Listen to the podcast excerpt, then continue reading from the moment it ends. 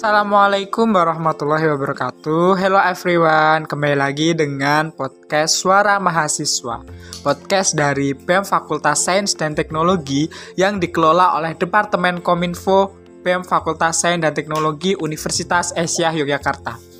Oke teman-teman, pada kesempatan kali ini podcast akan diisi dari rekan kita yaitu Mbak Aul yang berasal dari Departemen Kasosma keagamaan, sosial, dan masyarakat.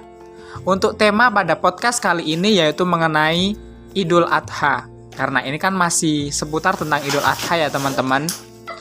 Baik teman-teman, untuk podcastnya langsung saja bisa kita dengarkan berikut ini. Check it out dan enjoy it. Assalamualaikum warahmatullahi wabarakatuh. Halo teman-teman sekalian, kenalin Nama aku Aulia Usratun Hasanah. Aku dari Departemen Kasosma BMFST Universitas Aisyah Yogyakarta. Uh, teman-teman, tahun ini tuh kita kembali merayakan Idul Adha di tengah suasana pandemi COVID-19. Sedih gak sih? Sedih lah ya pasti. Bahkan tahun ini kondisinya tuh bisa dibilang lebih parah kasusnya yang semakin meningkat di kalangan masyarakat. Apalagi kan pemerintah sudah menetapkan PPKM, pembatasan pergerakan kegiatan masyarakat. Bukan pernah perhatian kemudian menghilang loh ya. Kembali ke topik deh. Nah, dari sini kita tuh mesti penasaran kan muncul pertanyaan di benak kita Bagaimana sih kegiatan pemotongan hewan kurban saat pandemi tuh? Seperti apa sih peraturan pemerintah tuh? Terus banyak lagi pertanyaan-pertanyaan yang muncul gitu. Nah dari sini kita tuh akan sedikit bahas busa basi lah ya tentang Idul Adha di tengah pandemi COVID-19. Sebelumnya kita akan membahas keutamaan dari berkurban. Allah berfirman, A'udzu billahi minasyaitonir rajim. Bismillahirrahmanirrahim. Qul inna salati wa nusuki wa mahyaya wa mamati lillahi rabbil alamin. Yang artinya, sesungguhnya solatku, ibadahku atau korbanku atau bisa dibilang pengorbananku, hidupku dan matiku hanya untuk Allah, Tuhan semesta alam. Allah juga berfirman, Fasoli lirobbika wanhar. Maka solatlah untuk Tuhanmu dan berkorbanlah. Kenapa dalam dua ayat ini korban dan solat e, disandingkan? Ini tuh menjadi bukti bahwa korban memiliki kedudukan istimewa dalam syariat Islam. Rasulullah tuh pernah berkata kepada e, para sahabatnya, Ibadah harta yang paling mulia adalah berkurban, sedangkan ibadah fisik yang paling mulia adalah sholat. Jadi, ibadah harta dan ibadah fisik itu eh, ibadah kurban dan sholat itu tuh memiliki kedudukan yang sama, namun beda spesies. Seilah spesies lagi bahasanya. Uh, ini maksudnya guys, beda uh, tempat. Kalau ibadah harta itu yang paling mulia kurban kalau ibadah fisik yang paling mulia sholat. Mengapa ini bisa diartikan bahwa sedekah yang paling baik dan istimewa adalah berkorban nah dari ayat di atas kita tuh bah tahu bahwa kurban itu ibadah yang sangat dianjurkan oleh Allah Subhanahu wa taala.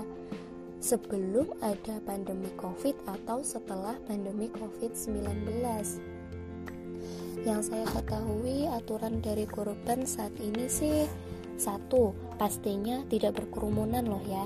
Yang datang tuh orang-orang yang penting seperti orang yang berkorban orang yang menyembelih panitia. Panitia e, pembagian hewan kurban terus panitia pemotongan dan lain-lain. Tapi panitianya juga nggak boleh banyak-banyak menurut saya sih kayak gitu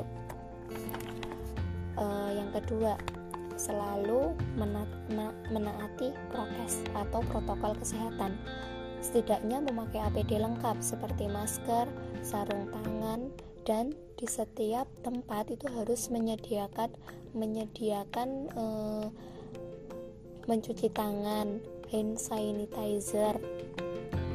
Kalau memungkinkan sih ya, sebaiknya uh, panitia itu tuh melakukan swab antigen sebelum memasuki area uh, pemotongan hewan kurban. Terus yang ketiga, untuk memasuki pemotongan hewan kurban tuh sebaiknya melakukan screening test seperti melakukan uh, pengecekan suhu tubuh. Kemarin tuh saya sedikit lah ya baca tentang artikel tentang hewan kurban gimana sih sebenarnya gitu kan. Terus saya menemukan bahwa pembelian hewan kurban bisa dilakukan secara daring. Lah, ini kenapa? Kok bisa gitu kan ya? Bukan sekolah doang dong secara daring. Ternyata hewan kurban pembeliannya bisa secara daring loh. Gimana sih caranya? Ternyata si penjual itu tuh melakukan ijab kabul dengan si pembeli. Ijab kabul ijab kabul pembelian loh ya bukan ijab kabul menikah. Jangan nikah mulu guys. Pikirannya enggak lah bercanda. Uh, melakukan ijab kabul tuh dengan video call. Kok video call sih kak?